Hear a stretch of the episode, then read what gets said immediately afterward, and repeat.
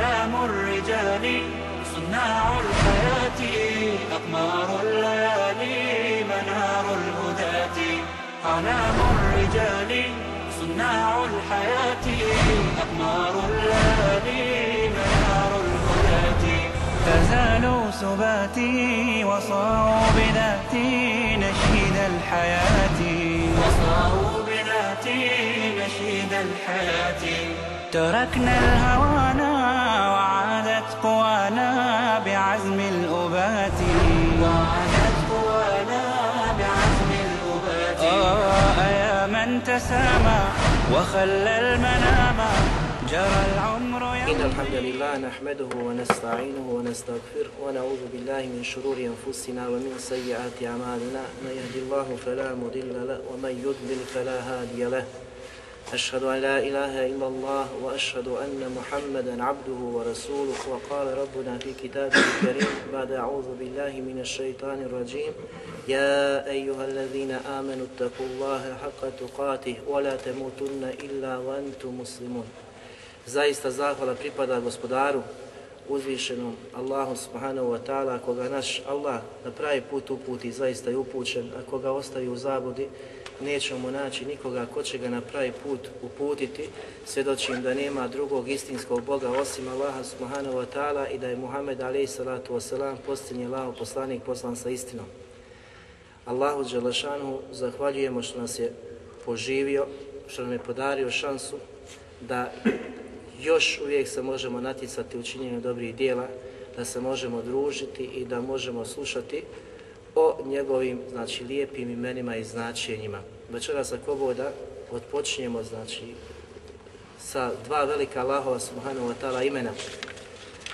Sa dva velika Allahova subhanahu wa ta'ala imena, a to su Allahovo ime El Ilah i Allah. El Ilah i Allah. Dva imena, draga braćo, koja su jako bitna. Ovo su dva imena koja ukazuju na značenje zbog čega smo stvoreni. Zbog čega smo na Dunjalku. Imena koja opisuju gospodara subhanahu wa ta'ala i koja su osnova za sva druga Allahova subhanahu wa ta'ala imena.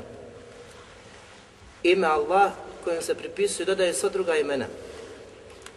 Allah, kada se spomene, i govorili smo prošli put, niko u istoriji nema da je zapisano, da je prenešeno da se neko nazvao imenom Allah.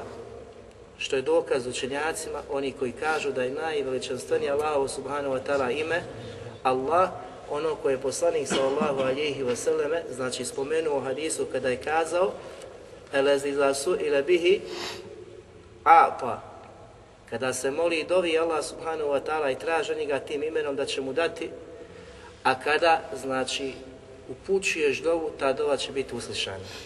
I kazali su da je, znači, od dokaza da se niko nikada nije nazvao, niti prije Islama, niti u Islamu, niti danas sa ovim uzvišenim imenom, jer Allah Đelešanhu u Kur'anu kaže hel ta'lemu lehu samija, da li ti znaš nekoga da se nazvao takvim imenom, što je jasan dokaz, znači u suri Merijem, da niko nikada se nije nazvao tim imenom. I vidimo znači veličinu i veličanstvenost tog imena Allaha subhanahu wa ta'ala da je osnova svih imena znači Allah. Pogledajte šta je jedan poznati gramatičar arapskog jezika Sibevej koji je, kako kažu, glavni, znači pretač o tome za arapski jezik učinio kada je napravio podjelu imenica pa je nazvao, odnosno svrstao lafzul dželale, ovaj izraz veličanstveni Allahovog imena Allah, ukazao da je to imenica svih imenica. Kada je opisao, znači, Allahov izraz, Allah, znači imenicu, učinio da je ona imenica svih imenica. Poslije smrti, kada je preselio i otišao Allahu subhanahu wa ta'ala, mnogi dobri ljudi, kad kažemo dobri ljudi, ljudi koji su držali Allahove te bareke ve ta'ala vjere, živjeli onako kako Allah subhanahu wa ta'ala traži od nas da živi, u pokornosti njemu, su ga sanjali i vidjeli ga znači u snu, pa su ga upitali šta je gospodar uradio s tobom. Šta je učinio s tobom?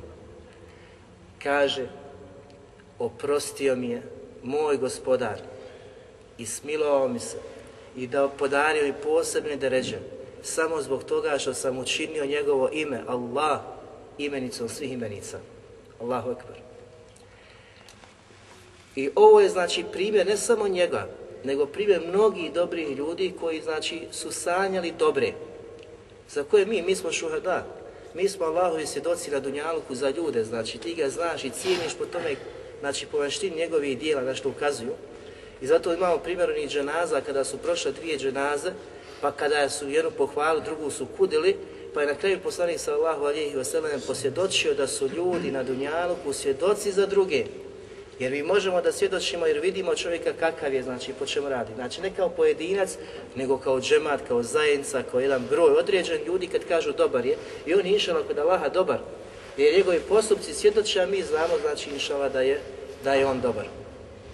I tako da možemo čitajući biografije dobrih znači Selefa, da su mnogi tako znači sanjali jedin drugi, da su pitali šta je gospodar radio s tobom, pa su kazali i prisjetili se određenih dobrih dijela zbog koji je Allah subhanahu wa ta'ala njima se znači smilovao i svoju milost spustio. I znači kao što već smo kazali da je Allahovo te bareke ime Allah ime kojim se dodaju sva imena i to smo prije govorili. Zašto? Jer u sva četiri ajeta gdje Allah Đelešanu spominje da on ima najljepša imena, da se on pisao takvim imenima, pa smo kazali da prvi ajet se nalazi u suri Al-Araf 180. ajet. Zatim smo kazali u suri Taha 8. ajet, zatim smo kazali u suri Al-Isra 110. ajet i u suri Hašr 24. ajet. Djela Đelešanu uvijek odpočinje znači Allah Đelešanu ima najljepša imena. Znači pripisuje dok, znači u suri Isra govori Allah subhanahu wa ta'ala koridu Allahe avidu Rahman. Vi njega dozivajte imenom Allah ili imenom Ar-Rahman. I znamo da je poslanik sallallahu alihi wasallam u hadisu kazao da su dva najljepša imena koja čovjek može, znači, kojim čovjek može da se nazove ili drugog da nazove jesu Abdullah i Abdurrahman. Dva najdraža i najljepša Allahu subhanahu wa ta'ala su imena zbog čega Ibn Kajim kada je pokušao pojasniti zbog čega su ta dva imena draža, kaže su mu draža od svih drugih imena, da kažeš El Kahar, El Qadir ili drugo Allahu te bareke ime, jer kaže osnova, osnova znači odnos na čovjeka je nasprema Allaha subhanahu wa ta'ala na dunjalu je šta? Robovanje Allahu subhanahu wa ta'ala. Znači robovanje koje sadrži znači vrhunac poniznosti gospodaru svjetova. Dok odnos Allaha naspram robova je njegova znači potpuna, mudro, potpuna milost koju spušta na stvorenja. I kaže iz milosti, znači Allahove subhanahu wa ta'ala smo mi ovdje na Dunjalku. Allah je svoje apsolutne, znači potpune velike milosti je htio da se mi nađemo na Dunjaluku, da mi živimo ovaj život i na kraju da uživaš subhanallah u džennetu i tim ljepotama. I zato sura Rahman odpočinje sa Allahom subhanahu wa ta'ala imenom Ar-Rahman. Ko je Rahman? Sve ono što se spominje u suri Rahman, jer na kraju Allah Đelešanu završava te bareke smo rabbik. I neke veličanstveno ime Allaha subhanahu wa ta'ala koje, kaže do kraju od koje je otpočeo suru Ar-Rahman. I zato i ovdje vidimo da Allah Đelešanu u ovom ajetu spominje prvo, znači dovi, veličaj, dozivaj, prizivaj gospodara svjetova imenom Allah ili Rahman. Pa smo pojasnili da je Znači ovdje veličanstvenije i veće ime koje Allah iz dva razloga. Prije svega što je Allah Đelešanu odpočeo, znači ajet prije svega davajući znači, prednost ovom imenu Allah, a zatim poslije toga je spomenuo ime Rahman. I druga znači stvar što učenjaci kažu zbog čega je vrednije Allah u ajetu, odnosno da je to najveličanstvenije ime, iz razloga što Allah znači obuhvata sva druga imena sve druge osobine. Znači kad kažeš Allah to je moćni, to je silni, to je gordi, to je onaj koji je uzvišen za stvorenja, koji je milostivi, koji je samilostan, koji je počinio znači, stvoje, znači sva uh, imena i sve osobine savršene koje Allah subhanahu wa ta'ala posjeduje, kada se spomene riječ ili izraz ili imenica Allah, na sve to ukazuje. Dok kad kažeš Ar-Rahman, ukazuje samo na Allahu subhanahu wa ta'ala, znači potpunu milost. Potpunu milost. Tako da vidimo znači važnost i značaj Allahovog subhanahu wa ta'ala imena Allah. Dok znači u suri Hašr, kada Allah subhanahu wa ta'ala odpočinje zadnje ajete sure, kada se opisuje sa mnogim imenima, govori u Allahu ladhi la ilaha illa hu. On, Allah je. Znači, on je Allah, pored kojeg drugog istinskog Boga nema. Znači, on je jedini Allah subhanahu wa ta'ala, koji je jedini zaslužan da se obožava, pored kojeg drugog istinskog Boga nema. I onda počinje da se opisuje alimul gajbi wa šahade, onaj koji je poznavalac i vidljivog i nevidljivog svijeta, u ar-Rahman rahim I onda govori da je on kakav milostivi i samilosni. Zatim naredne ajete isto tako Allah subhanahu wa ta'ala odpočinje da je on Allah. Da je on Allah. Znači 22. 23. 24. ajet odpočinje da je on Allah i onda sebi pripisuje ta najljepša imena kojima se on subhanahu wa ta'ala opisao koja ćemo mi ako voda pojašnjavati znači u narednim, narednim predavanjima. Međutim, kakva je razlika između imena Allah i imena Rab? Rab znači gospodar. To je naš gospodar. Allah je naš gospodar. Međutim, koja je razlika između znači Allah? Allah kažemo da ima značenje da je osnova Allah od el ilah. Znači ma'bud. Onaj koji se istinski obožava. Kojem znači jedini koji je zaslužan da mu činiš ibadete, da mu znači čini seždu ruku, da ga hvališ, da ga veličaš, da se oslonjaš na njega, da tražiš od njega, da doviš, znači da sve te vrste ibadeta i srčane i druge upućuješ isključivo samo njemu subhanahu wa ta'ala jer je on najzaslužniji, on je taj koji nas je stvorio, koji je sve stvorio, znači njegove vlasti, sve. Pa zar ima neko znači da je preći od njega da ga moliš, da mu dove upućuješ, da tražiš mimo Allaha subhanahu wa ta'ala koji je najbliži, koji se odaziva znači dovi nevoljnika i slično. Najljepše nam kazuje, znači, kazivanje Kur'ana, koja je to razlika između, između Allahovog imena Rab i Allahovog imena Allah. Kada razmislimo i promislimo, znači, o Kur'anu, vidjet ćemo, znači, uvijek ćemo doći do nekih novih, do nekih novih, znači, informacija, pouka i poruka Allaha subhanahu wa ta'ala koji je učinio, znači, ovaj Kur'an da bude, znači, vodilja u našem životu, čita, čita naš život do do onog kjameskog dana, a kjameski dan za svakog pojedinca kada mu dođe melek uzeti, uzeti dušu. Allah Đelešano kada opisuje slučaj Musa ali salam kada je otišao znači do poznatog mjesta gdje mi znamo znači kao Sinajska gora gdje je otišao i razgovarao sa gospodarom svjetova gdje ga Allah subhanahu wa ta'ala pozvao i dozvao znači i ovo je dokaz da je Allah Đelešanu šta kellem Allahu Musa teklima, da je Allah Đelešanu razgovarao sa, sa Musaom. I to znači naš stav i to mi tvrdimo, znači u to smo ubijeđeni da je Allah subhanahu wa ta'ala razgovarao sa Musaom ali. I ni u kom slučaju znači nismo od onih koji negiraju ili koji prenose neka značenja ili odstupaju od ovoga značenja tvrde da je drvo znači udahnuto, nadahnuto Allahovom voljom da progovori znači da se obrati Musa, nego isključivo tvrdimo da je Allah gospodar svjetova razgovarao sa Musaom onako kako njemu subhanahu wa ta'ala dolikuje. I u ovom znači kazivanju Allah subhanahu wa ta'ala kaže وَهَلْ etake hadithu Musa Da li je do tebe došlo kazivanje o Musa'u alihi salatu wasalam o onome što se dogodilo znači u tom, u tom trenutku. Kada izra'a narem faqale li ehlihi imkuthu kada je znači ugledao vatru u daljini i kada je znači ugledao tu vatru kazao svojoj poroci sačekajte ovdje a nestu nare aliyatiku minha bi qabasin aw ajidu ala nari huda.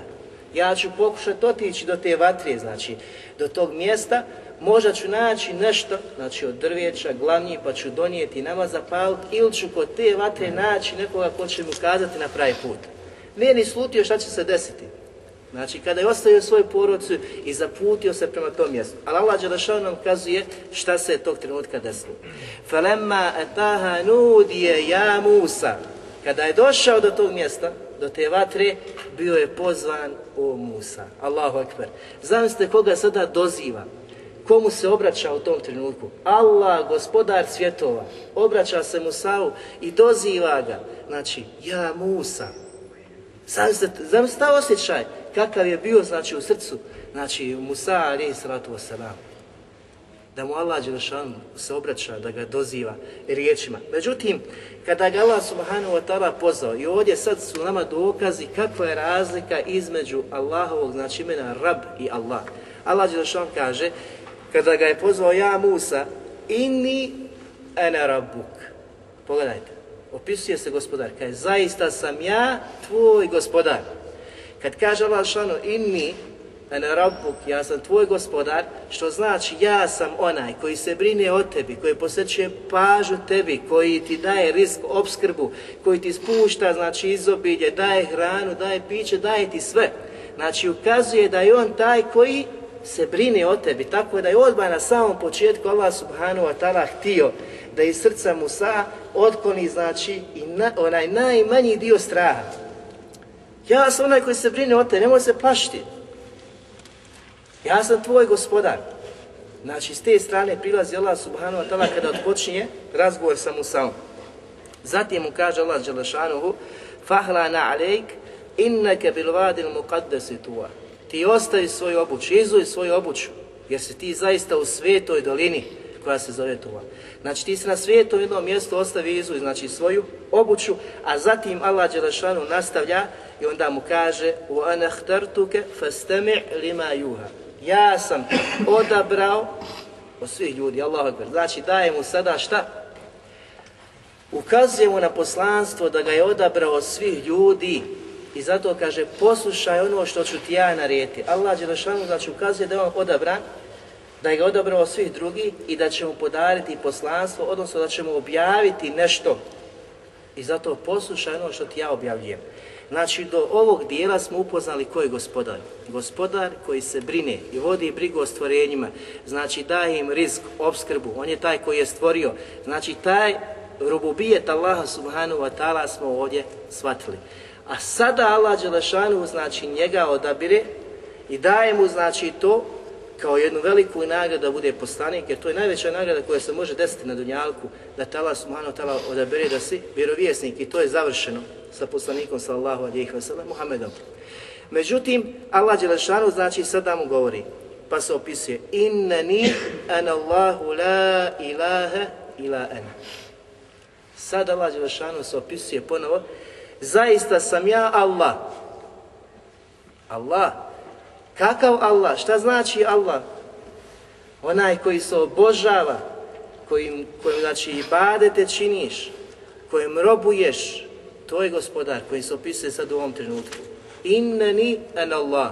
Zaista sam ja, znači Allah. Pa kaže dalje, fa'budni. I zato samo meni, isključivo meni ibadete čini. Samo meni robuj. Samo mene obožavaj. Nikoga drugog. Zatim od svih ti ibadeta, znači ovdje kad se kaže ibadeta mu se čini obuhvata sve vrste ibadeta onda Allah Đelešanu ukazuje na jednu znači stvar od svih tih ibadeta pa kaže mu sa u akimi salate li zikri. I ti obavljaj namaz, znači isključivo namaz ovdje. Od svih tih ibadeta Allah Đelešanu znači ukazuje na namaz. I meni znači klanjaj, odnosno namaz obavljaj kako bi ti ja znači uvijek bio na umu. Što vidimo, znači, kako Allah subhanahu ta'ala je odpočeo razgovor sa Musaom. Ukazao da je on gospodar, zatim je ukazao da je on Allah, koji ti naređuje da samo njemu i bade činiš, da samo njemu robuješ, da samo njemu klanjaš, da od njega tražiš, da se na njega oslanjaš i sve ono što ćemo spomenuti šta obuhvata riječ, riječ i badet. Tako da vidimo, znači, kroz Kur'an, da ipak postoji razlika između, znači, Allahu i Tebareke ve ta'ala imena, jer ne bi bilo smisla da Allah subhanahu wa ta'ala navodi tolika imena, a da su ona istog značenja. Znači, ne mogu biti istog značenja, ona su, znači, različita i to ćemo mi ako boda onaj, pojašnjavati.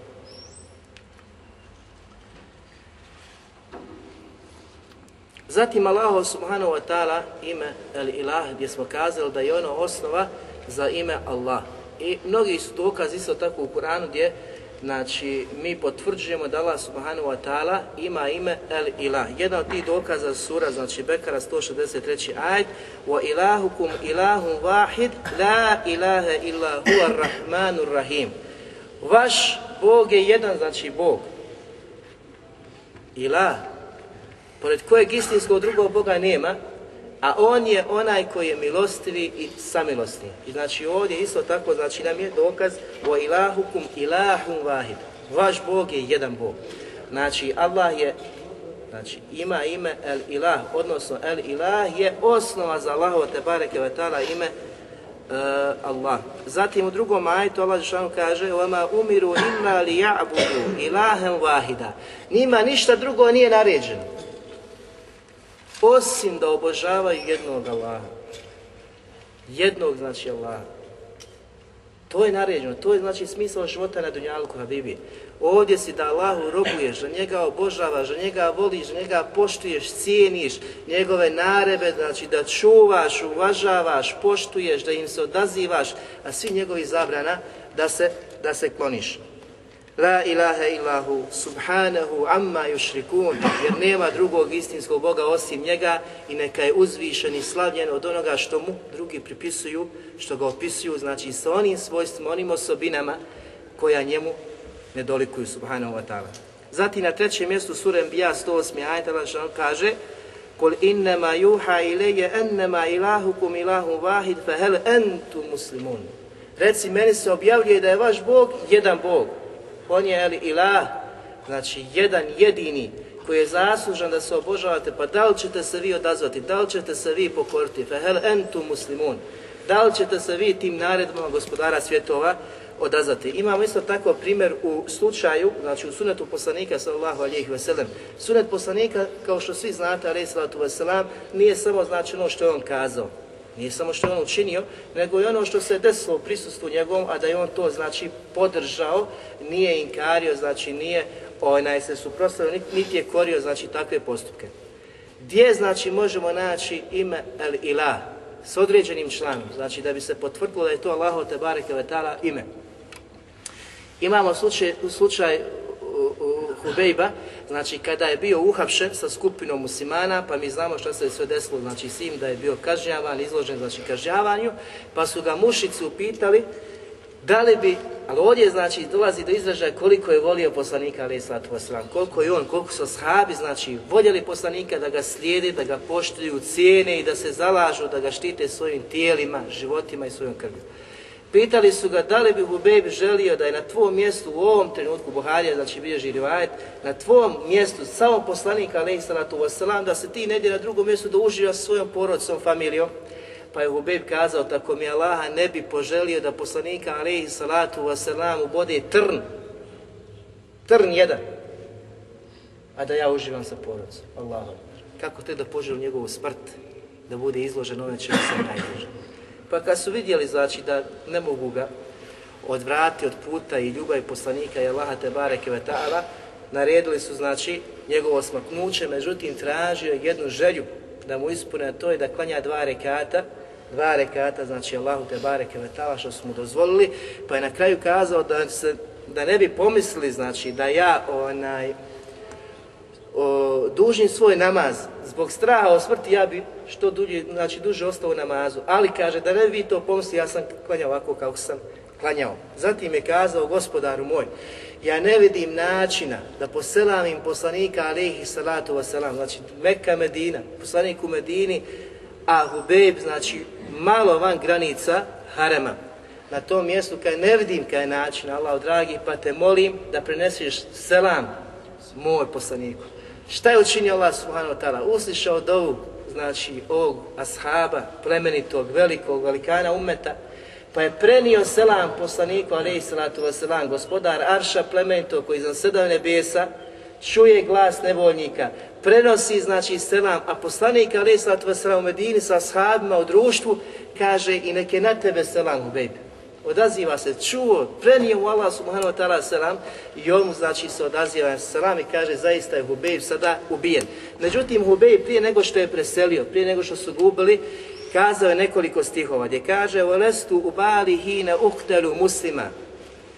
Kaže, ne žalosti me što ću ja kao musliman preseliti, što ću biti ubijen kao musliman, toga ne žalosti musliman pravi se radi da preseli na Allahom te bareke ve ta'ala putu kako bi došao do deređa šehida. On se ne žalosti ni tuguje za to. Međutim kaže Ala eji džambin kane fillahi masra'i i gdje će moje tijelo pasti posle znači moje smrti, u kojem pravcu će otići, znači gdje god da padne u Allahom te bareke ve ta'ala pravcu, znači na njegovom subhanahu wa ta'ala putu. Pa kaže وَذَلِكَ فِي zatil ilahi in ješa. I ovdje kaže, je dokaz. A to je, kaže, vazalike fi zatil ilah. A to je samo radi Allaha subhanahu wa ta'ala. Moja smrt, moja pogibija na Allahom te baraka wa ta'ala put je samo radi Allaha. I on dolazi ovdje sa imenom gdje kaže vazalike fi zatil ilah. Što ima značenje Allah. Poslanik sallallahu alejhi ve sellem prenešeno je znači ovo došlo je do poslanika sallallahu alejhi poslanika alejhi nije to ime negirao. Nije kazao el ilah nije od te bareke ve taala imena nego je znači odobrio svojom šutnjom i niko znači od onih koji su prenesli, prenosili, koji su govorili ovaj govor nije ukazao znači da je Hubejb ovdje možda pogriješi, treba je kazati jer to se radi i radi Allaha te bareke ve taala da spomene neko od drugih Allahovi te bareke ve taala imena on na kraju znači završava da je njegova pogibija radi Allaha te bareke ve taala i kaže ako on bude htio Allah gospodar svjetova blagoslovit će tu pogibiju. A kako i neće, znači ovakvim velikanima koji su imali tako velika, velika djela. Međutim, el ilah, Allah, znači Allahu subhanahu wa ta'ala imena, koja imaju značenje da je on jedini zaslužan da se obožava, da se voli, da se cijeni, da se poštuje. To su znači imena, odnosno ukazuju na jedan zad, na jedno biće Allaha subhanahu wa ta'ala koji se voli, či, znači muminska srca žude za gospodarom svjetova. Vole ga, veličaju ga, slave ga. Nikoga ne možeš veličati niti slaviti kao Allaha subhanahu wa ta'ala. I mi naučimo ova imena kako bi znači bili poput pjesnika koji fale znači nekoga. Mi treba da učimo znači kako bi osjećali našim srcima tu veliku žudnju i želju za Allahom subhanahu wa ta'ala, za susretom s njim, da ga veličamo i slavimo, da ga hvalimo onako kako njemu subhanahu wa ta'ala dolikuje, želeći njegovo subhanahu wa ta'ala zadovoljstvo, želeći njegov rahmet, njegovu milost, užitke u džennetu, da se približimo svim ovim našim dijelima, svim našim ibadetima njemu subhanahu, subhanahu wa ta'ala. A hvala Allahu, Allah Đelešanu preko poslanika Nisatu Veselam je ostavio mnoštvo, mnoštvo ibadeta koja znači vodi do dženeta. Jedno od ibadeta, odnosno jedno od dijela jeste koje nauči Allahova imena, ući u dženet, odnosno koje nauči samo 99 imena. Koliko smo mi do sad naučili? Naučili smo sigurno sad ova dva, ali naučimo inšala sva ova Allahova subhanahu wa ta'ala imena kojima se on subhanahu wa ta'ala opisao. I zato kažemo da je ovo najveća i najveličanstvenija spoznaja, najveličanstvenija nauka, najveličanstvenija predavanja koje, koji može slušati jeste ona predavanja koja te vodi Allahu subhanahu wa ta'ala. Koja te vodi, znači, tvom gospodaru koji te je stvorio, koji se opisao, znači, sa mnogim, mnogim lijepim imenima i savršenim svojstvima i osobinama, kako bi ti ukazao i pokazao koliki je tvoj gospodar, kakvu moć raspolaže, Ko je taj kojeg ti obožavaš? Ko je taj kojem na seždu padaš, kojem robuješ? Ko je taj ko će ti pomoći u svakom trenutku? Ko je taj koji ti daje obskrbu, koji ti daje znači hranu, piće, odjeću, odjeva, te vodi brigu o tebi, Habibi. Znači u svakom trenutku kada si u bilo kakvoj situaciji, opasnost ili nešto, on je taj koji će ti pomoći. On je taj na kog se oslanjaš, od koga tražiš, kojem robuješ. Znači u svim, svim situacijama, svakom trenutku tvoga života, ti si potreban njega, a on, subhanahu wa ta'ala, nije potreban tebi. Nije potreban tvog šukra, nije potreban tvog hamda, nije potreban tvoje zahvale, ni pohvale, ničega. Neovisno od bilo čega. Ali smo mi svi potrebni njega. Bez njegove milosti, bez poznanje o njemu, bez robovanja njemu, bez veličanja njega, subhanahu, nećemo ući u džennet. Niti možemo ući u džennet. Ali kad ga spoznamo i kad mu robujemo onako kako on zahtjeva, kako je on to propisao u šarijetu poslanika sallallahu alejhi ve sellem, tada možemo da uđemo u džennet i tada znači to je put koji nas vodi do dženeta. I spoznaje Allahovi imena jesu znači put da upoznaš gospodara, da upoznaš put koji te vodi do dženeta i da upoznaš ono što te očekuje u dženetu. A da se sačuvaš puta šeitana i njegovih sljedbenika i onoga puta koji vodi, znači, prema njemu, a i puta koji vodi prema džehennemu, znači onome mjestu koje je strašno, strašno, znači i nije nam onaj uopšteni željani cilj da dođemo do tog, tog mjesta, nego molim Allah subhanahu wa ta'ala sačuva džehennema, njegove znači strahote i te velike i strašne ojene vatre i patnje koju je pripremio za nevjernike, oni koji nisu zahvalni, oni koji su oholnici, oni koji bježe od puta koje, znači, na koje poziva gospodar svjetova i poslanik Muhammed a.s. Zato kada shvatimo Allahovo ime Allah i El Ilah, onda imamo i svrhu da možemo da shvatimo zbog čega smo na Dunjalku, zbog čega smo stvoreni.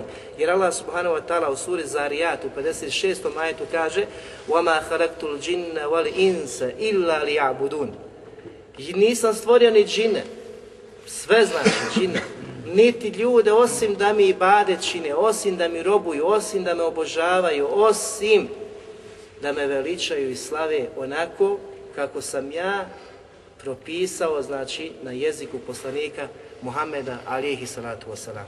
To je svrha stvaranja. I svrha svih vjerovjesnika koji su poslani bili prije poslanika alihi salatu wasalam je ista misija. Allah Đelešan kaže u suri Nahlu u 36. ajetu وَلَقَدْ بَعَسْنَا فِي كُلِّ أُمَّةٍ رَسُولًا أَنْ يَعْبُدُوا اللَّهَ وَاجْتَنِبُوا الطَّاغُوتَ Mi smo sve vjerovjesnike slali. Sve, svima ista misija bila da pozivaju da se jedino Allah te bareke ve ta'ala obožava, da se njemu robuje, da se njemu isključivo i baditi čine, a da se klone svih taguta, svih taguta, svi lažni idola, svi lažni božanstava, svega onoga što se obožava mimo Allaha subhanahu wa ta'ala, svega onoga što se voli kao što se voli Allah subhanahu wa ta'ala, svega onoga što se oslanjaš kao što se oslanjaš na Allaha, svih onih od kojih doviš kao što doviš Allahu subhanahu wa ta'ala, svega onoga znači što dolazi do izražaja da dolazi na stepen Allaha subhanahu wa ta'ala. Znači, svi oni koji traže pokornost, kao što se traži pokornost kod Allaha, svega toga se treba kloniti, svih njih se treba odreći, a Allaha te bareke ve ta'ala obožavati kako on subhanahu wa ta'ala zadovoljan. I to je svrha, znači, života na Dunjaluku da spoznaš ove dvije velike stvari, da spoznaš kako Allah te barek vetala obožavati, kako se kloniti svega onoga što prelazi, znači okvire šarijata, okvire onoga što Allah subhanahu wa ta'ala, znači naredio što traži, što traži od nas. Zato Ibn Taymiye rahimahullah kada je govorio o definiciji ibadeta, što je to ibadet, znači što je to što obuhvata ibadet, šta su, koje su to vrste ibadeta, pa kaže rahimahullah da je to pokornost Allahu, pokornost Allahu činjenjem onoga što je On naredio na jezicima poslanika. Znači ovdje isključivo se radi po pitanju nas na jeziku Muhameda alaihi salatu wasalam sve ono što je poslanik alaih wasalam kazao, na što je postakao, što je uputio, kazao umet poslanika, poslanika sallallahu alihi wasallam, sva ta djela koja je kazao, sva su ona, znači sastavni dio ibadeta, sve to treba prihvatiti koliko su mogućnosti da se odazoveš i da sprovedeš u svom, u svom životu.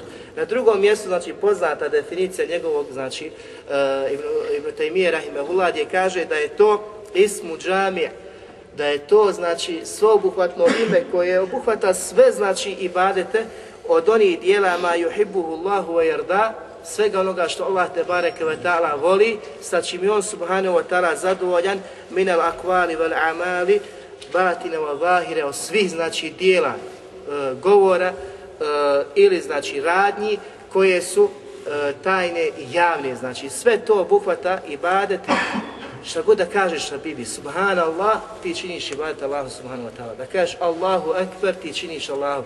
Da kažeš gospodaru, prosti, smiluj se, ti činiš ibadet Allahu. Da mu padneš na sežu, ti činiš ibadet Allahu.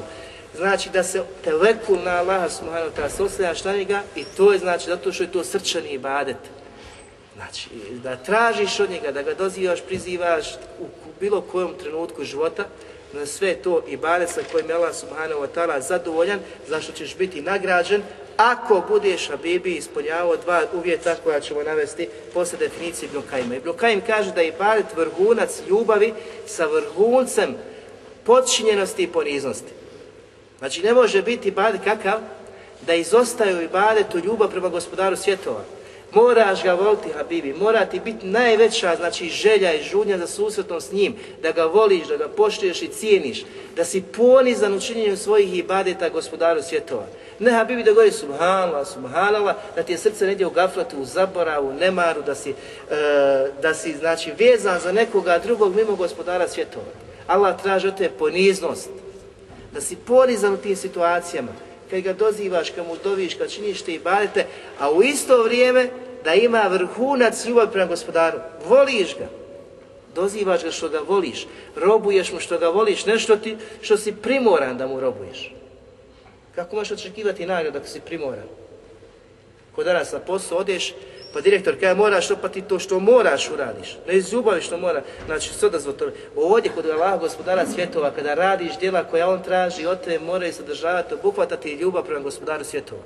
Da ga voliš sa najvećim, znači, vrhuncom što se može dostići ta ljubav. Ne možeš nikoga voliti poput njega. Niti majku, niti oca, niti dijete, niti familiju, a među nikoga. Allah je iznad svega toga, njegov hatar iznad svega toga, njegova ljubav iznad svega toga. Zato nema pokornosti stvorenju, nepokornosti stvoritelju. Šta ti god stvorenja naređuju, šta god traže od tebe, ako se to kosi sa riječima gospodara svjetova i riječima poslanika sallallahu to se odbija to se ne može činiti niti može se tome odazvati, nego daješ prednost gospodaru svjetova, a ostalim pojašnjavaš i objašnjavaš principe, znači tvog vjerovanja, zbog čega to radiš. Ne znači što želiš da ga odbaciš od sebe, nego pojasni na ljepši način zbog čega to radiš, šta Allah subhanahu ta'ala traži od tebe i zahtjeva. I zato Allah subhanahu wa ta'ala je dao ispit svima onima koji kažu da vole gospodara svjetova i rade dobra djela i natječu se u činjenju dobrim djelima i tvrde da vole, znači da li su iskreni u toj ljubavi. Znači svi mi možemo da provjerimo koliko smo iskreni, koliko zaista volimo gospodara svjetova ovoga kojeg znači sada izučavamo, proučavamo, znači spoznajemo kroz njegova lijepa imena. Allah Đelešanu kaže u suri Al-Imran قل إن كنتم تحبون الله فاتبعوني يحببكم الله ويغفر لكم ذنوبكم والله غفور رحيم Ti reci, zaista ako Allaha te bareke ve ta'ala volite, imate jedan uslov da bi to bilo kod Allaha kabul, a to je slijedite mene. Znači, ako tvrdite e, da, ste, e, da govorite istinu u toj tvrdnji, da volite Allaha subhanahu wa ta'ala, onda mene slijedite, kaže poslanik sallallahu alaihi Znači, ne može se voliti Allah, a da se ne slijedi poslanik. Jel? Znači, ne možemo danas kazati ljudima koji kažu ja vjerujem, ja sam dobar, samo Allah zna moje srce, a on je daleko sljeđenja poslanika sa Allah sam. Njegova ljubav je lažna, on sam sebe zavarava i laže kao što laže sve one kojima tvrdi da voli Allah subhanahu wa ta'ala, a nema ga u dijelima i sljeđenja poslanika alaih sallatu wasalam. Allah subhanahu wa ta'ala, gospodar nebesa i zemlje, gospodar svi ljudi, jasno u Kur'anu kaže, ako istinu govorite da Allah subhanahu wa ta'ala volite, onda mene slijedite, a tada dolazi rezultat svega toga, juhbibukumullah. Allah će vas, subhanahu wa sve zavoliti. Allah će vas voliti, zar nam to nije cilj? Koga Allah zavoli, kome Allah Đelešanu bude taj kojeg voli, kojeg cijeni, taj je na posebnom mjestu kod Allaha subhanahu wa ta'ala. Allah Đelešanu neće kazniti roba kojeg voli. Zato trebamo da se trudimo da što više upoznamo sunet poslanika sallahu alihi vseleme, njegovu praksu kako bi nas Allah subhanahu wa ta'ala zavolio, a to je dokaz da mi, znači sve što prakticiramo, sve što sprovodimo u našem životu, je dokaz da mi volimo Allaha subhanahu wa ta'ala i da volimo poslanika Muhameda alihi salatu wasalam, wa yakfir lekum dhunubekum. I Allah Đelešanu, pored toga što će vas voliti i što će vas znači voliti, On će vam vaše grijehe sve oprostiti. Sve to je rezultat znači iskrene ljubav prema Allahu i njegovom poslaniku sallallahu i slijeđenje njegovog poslanika alejhi salatu wasalam. I na kraju se Allah opisuje Allahu gafurun rahim. Allah je taj koji mnogo prašta i koji je milostiv. Kome? Onome ko kaže moj gospodar je Allah moj poslanik je Muhammed, moja vjera je Islam, ustraje u tome, u tom slijeđu Allah Đelešanu obećava znači ovaj rezultat, da će on takve zavoliti, da će on takvima oprostiti, jer on je takav, znači, opisao je sebe da mnogo prašta i pored naših znači, velikih grijeha i gafeta, mnogo prašta i samilostano. I zato, dragi brate i cijena sestro, ajet koji učimo svi, u našim divnim namazima, svakodnevnim namazima, i jake na'bud, samo tebe obožavamo, neće se obistiniti i neće biti znači, neće biti znači e, u potpunosti bez dva velika uslova našim postupcima, našim djelima. Dva velika pravila koja treba da ima u našim znači u našem robovanju Allahu subhanahu wa ta'ala. A to je Habibi da budeš taj koji čini dobro djelo, isključivo da ga radi samo radi Allaha subhanahu wa ta'ala radi bliskosti njemu, radi njegovog lica, da bi zaslužio džennet i nagradu kod gospodara svjetova. To ti mora biti znači prvenstveno cilj, da ga radiš isključivo radi Allaha i drugi uslov da to djelo koje činiš da pogledaš da li ona zaista u skladu sa šerijatom. Da li je to djelo koje ti činiš zaista činio poslanik alaih sallatu wasalam. To su dva uvjeta, dva uslova bez kojih neće ti djelo biti primjeno. Allah subhanahu wa ta'ala kaže الذي خلق الموت والحياة ليبلوكم أيكم أحسن أملا وهو العزيز الغفور On je taj gospodar svjetova koji je stvorio i život i smrt da bi vidio, da bi vas iskušao ejukum, svima vama, među vama koje je najljepšeg djela, ko ima najbolje djelo. A šta je to najbolje djelo, to ćemo pojasniti, Allah što kaže, huva azizul gafur, a on je silni koji mnogo prašta. Fudajl ibn Iyad kada je kazao, znači šta je ahsanu amela, šta je ovdje to dobro, lijepo djelo, koje je okičeno, ukrašeno, on kaže da djelo ne može biti znači e, dobro niti lijepo osim da je ahlesuhu wa svebuhu, da sadrži u sebi, da obuhvata dvije stvari, da je isključivo urađeno radi Allaha te bareke i da je u skladu sa sunnetom praksom poslanika alejhi salatu wasalam. Ta dva uslova, ta dva znači šarta kada se nađu u tvom djelu, raduj se Habibi, da si od oni koje je Allah stvorio i iskušao od njalku, a oni se takmiče ko će učiniti najljepše djelo. Najljepše, znači naj, najukrašenije, najispravnije i kod Allah prihvatljivo kabul i ono koje je iskreno i koje je u skladu sa sunetom. Pa kaže dalje, Udajl ibn Jad, rahimahullah, kaže onaj čovjek koji uradi djelo, djelo, i iskreni u tome, radi ga radi Allaha subhanahu wa ta'ala, ali to djelo nije u skladu sunneta poslanika alaihi sallatu wasalam. Sam sebi inovirao, sam sebi izmislio neko djelo, sad ću ja klanjati akšan četiri rekata, bi se Allah Đelešanu približio, znači sa još jednim većim rekatom, kako bi, znači, Allah Tabarek wa mi se smilovao.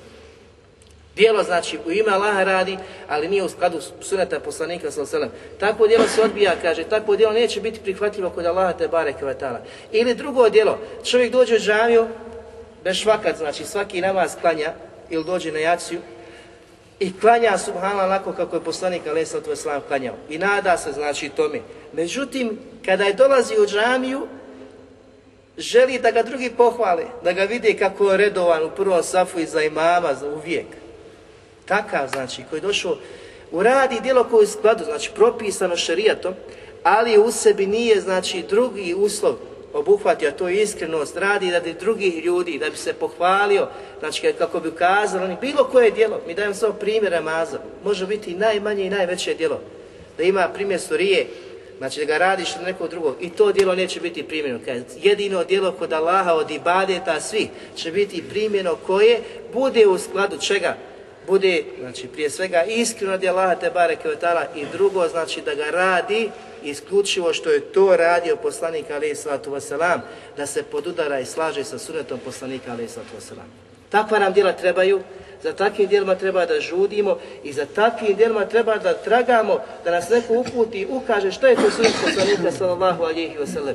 Kako je veličao, kako je slavio Allah, kako mu je robovao, kako je svoj noći namaz provodio, kako je svoj dan provodio, ulazak u kuću iz kuće, obilazak familije, rodbine, znači sjela, društva, kako je poslanik sedio u sjelu sa ashabima, kako je poslanik alaih sallatu wasallam sjedio kada je zjaretio druge, da li je prenosio tuđe riječi, da li je se interesovao što je radio fulan, fulan, fulan, fulan ili je znači to bilo ono nešto posebno što srca oživljuje, čini znači nas bližim gospodaru svjetova. Takva djela će Allah te bareke znači primiti i prihvatiti od nas i takva djela traži on subhanahu wa ta'ala subhanahu od nas.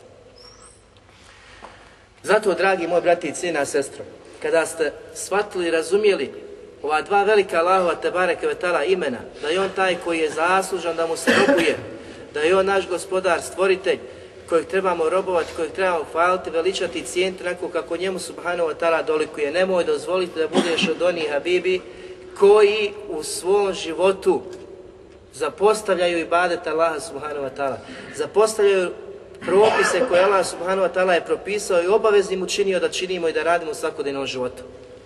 Nemoj da se zavaraš znači sa dunjalukom prolaznosti na njemu, sa užicima koje on pruža, znači sa djecom, familijom, porodcom, bilo kakav ovo svjetski užitak, znači nemojte, nemoj dozvoliti da te zavara, da, da budeš od onih koji će zakačiti i doći smrt iznenada, a nije spreman, a nije spreman za tu smrt.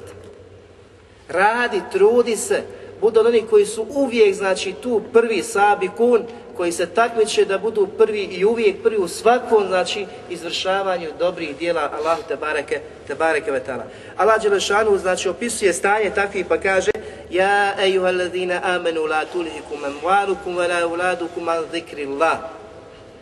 Ovi koji vjerujete, odaziva se onima koji kažu naš gospodar je Allah, naš poslanik je Muhammed a.s. i naša vera Islam.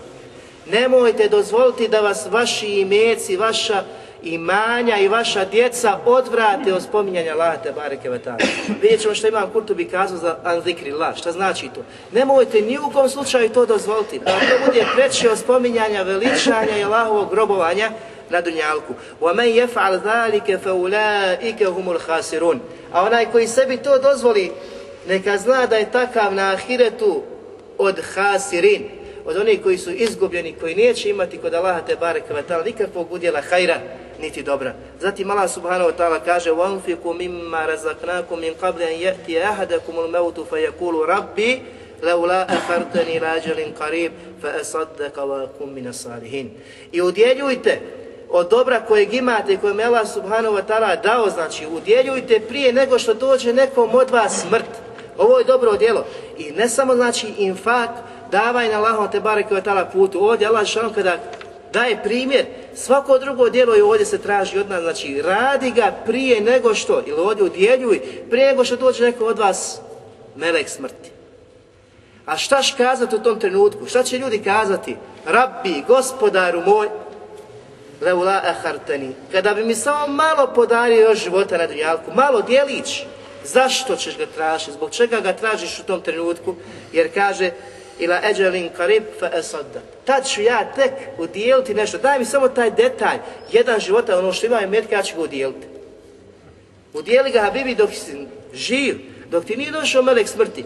Jer melek smrti kad dođe, Allah Đelešanu svoj kadr ne mijenja. Jer Allah Đelešanu nastavlja pa kaže وَلَنْ يُؤَخِّرَ اللَّهُ نَفْسًا إِذَا جَاءَ أَجَلُهَا وَاللَّهُ خَبِيرٌ بِمَا تَعْمَلُونَ Allah Đelešanu neće odgoditi taj trenutak uzimanja duše, nikom od vas, kada mu dođe izaslanik, Allahu subhanahu wa ta'ala, toga više nema. A Allah Đelešanu zna dobro što vi činite, što radite. Što znači da Allah subhanahu wa ta'ala zna naše stanje sada i zna kako će biti, kako je bilo i kako ne bi, znači, bilo, kad bi bilo, znao bi kako, kako, će, kako će biti. Apsolutno, znači, on je el alim, spoznaje apsolutno ima o nama. Ali ukazuje da on zna i naše postupke koje činimo dok smo još živi. Nemoj da dočekamo taj trenutak, znači da smo nespremni, nego pokušajmo da budemo spremni u ovim našim ibadetima koje činimo radi Allaha subhanahu wa ta'ala. Zato imam Kurtubi rahimahullah kada spominje ovaj kuranski ajet Ja ejuhalazina amenu la tulhikum emualukum vela uladukum an zikrillah Ovi koji vjerujete, nemojte dozvoliti da vas unište vaši imeci, vaša imanja i vaša djeca od la, On kaže ovaj zikr od koji se spominje, misli se na obaveze stroge koje Allah te barek vetala propisao. Nemoj da te zavedu niti imeci, niti dunjaluk, niti žena, niti djeca, niko od strogih obaveza koje te Allah te barek vetala je propisao. Odazovi se, potrud se, što više da činiš, da ne bi bio od onih kojima će doći smrt pa će reći rabbi, leula eharteni. Gospodaru moj, kad bi samo malo produžio život. Da budemo od onih koji će udjeliti, koji će haj neki učiniti. Zato, draga braćo, budimo od onih koji će Allaha subhanahu wa ta'ala veličati onako kako njemu subhanahu wa ta'ala dolukuje i da se sprijemamo, da uvijek budemo, znači, takvu svijest da imamo, da razmišljamo, sad može doći. Šta sam pripremio? Da analiziraš svoje stanje. Na kraju ćemo još samo navesti da od spoznaje Allahovog te bareke imena uh, El Ilah, Allah je i ta da nije propisano u šarijetskim tekstovima, u sunetu poslanika sallahu alijih veselem, da se Allah Đelešanu može veličati imenom Allah. Da dođeš da kažeš Allah, Allah, Allah, Allah, Allah. Znači nema teksta, nigdje ne možete naći nijedan hadis poslanika sallahu alijih da kaže veličajte Allah samo Allah. Zašto? Zato što kad kažeš Allah je rečenca koja je nepotpuna, nema značenja. I sve druge rečence za kojima je poslanik sallallahu alihi wasallam došao, na koje je ukazao, koje posebnu važnost imaju. Znači, ko god želi, ko traga, da Allah veliča, znači sa nekim zikrom, propisom koji je veličanstven i velik, kod Allaha te barek koji tamo poslanik ga je ostavio. Imate primjer poslanika sa osam gdje kaže kelimetan hafifetan. Dvije riječi koje su lahke za izgovoriti na jeziku, teške na mizanu, teške na sunje danu, ali su kakve? Habibetan ila Rahman. One su drage kod milostivog gospodara svjetova gdje kaže Allah, gdje poslanik sa kaže Subhanallahi wa bihamdi, Subhanallahi l'azim. Ko želi, ko voli, ono što milostivi voli da čuje, a tebi su lahke habibi, lahke na jeziku, a su teške na sudnjem danu nam, na Terezijama kad se postave, su subhanallah, ve bihamdi, subhanallah azim. Izgovaraj, čitav dan, čitavu noć, koliko god hoćeš. Znači u svakom trenutku koliko god želiš puta, izgovori. To je onaj koji ti je Allah, poslanik sallallahu alihi wasallam učinio da zikriš koliko god hoćeš, ali ga nemoj samo učiniti da kažeš, e petko čujem kako mi Allah u 11 sati, svako petka u 11 do 12, to da zikri. To već prestaje, znači ovaj pretvara se u novotariju, kada sebe određuješ poseban uh, termin za takvu vrstu zikra, jer poslanik sam se nije sjedio svako petka u 11 do 12 i govorio samo tu dovu, nego ti otvorio znači vrata tome kada god hoćeš, koliko god hoćeš u svakom trenutku, one su kod Allaha znači velike, velike. I znači ovdje Ibn Taymije isto tako pojašnjava pa kaže da oni koji su učinili ovo Allahu te bareke vetala ime posebnim imenom da ga uzimaju znači za veličanje i slavljenje samo riječ Allah. Ili kaže da su još više dali pažnju posvetili oni koji kažu pa su skratili u hu kaže da su oni humul balun da su oni zalutali i gali tun, da su oni veliko, znači očito je grešci sa tim, jer kada ne spominje se nikakav zikr od poslanika sallahu alihi vseleme sa ovim jednim imenom, znači Allah, Allah, Allah, Allah, znači dok, dok si znači pri sebi, niti hu hu, znači da spominješ tako, nego su došli kao što vidimo, znači pogledajte, stupaš u namaz, najbolje, najveće dijelo Allahu te barek kao tala koje možeš učiniti, znači u toku dana, u toku noći, jeste namaz. Kako počinješ namaz? Allahu akbar. Potpuno znači Allah je najveći.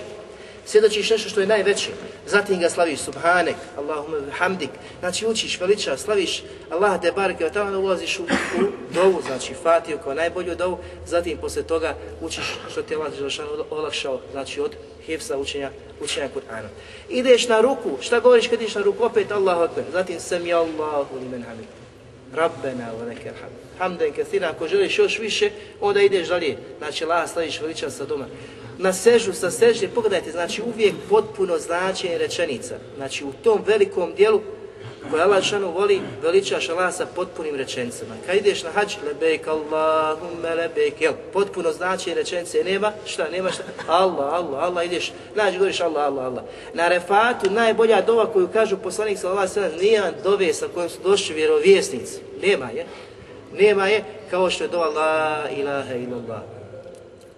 To je najbolja dova, najjača dova zato što svjedočiš nešto veliko, a negiraš isto tako sva ona lažna božanstva za koja se vezuju oni koji su skrenuli sa pravoga puta.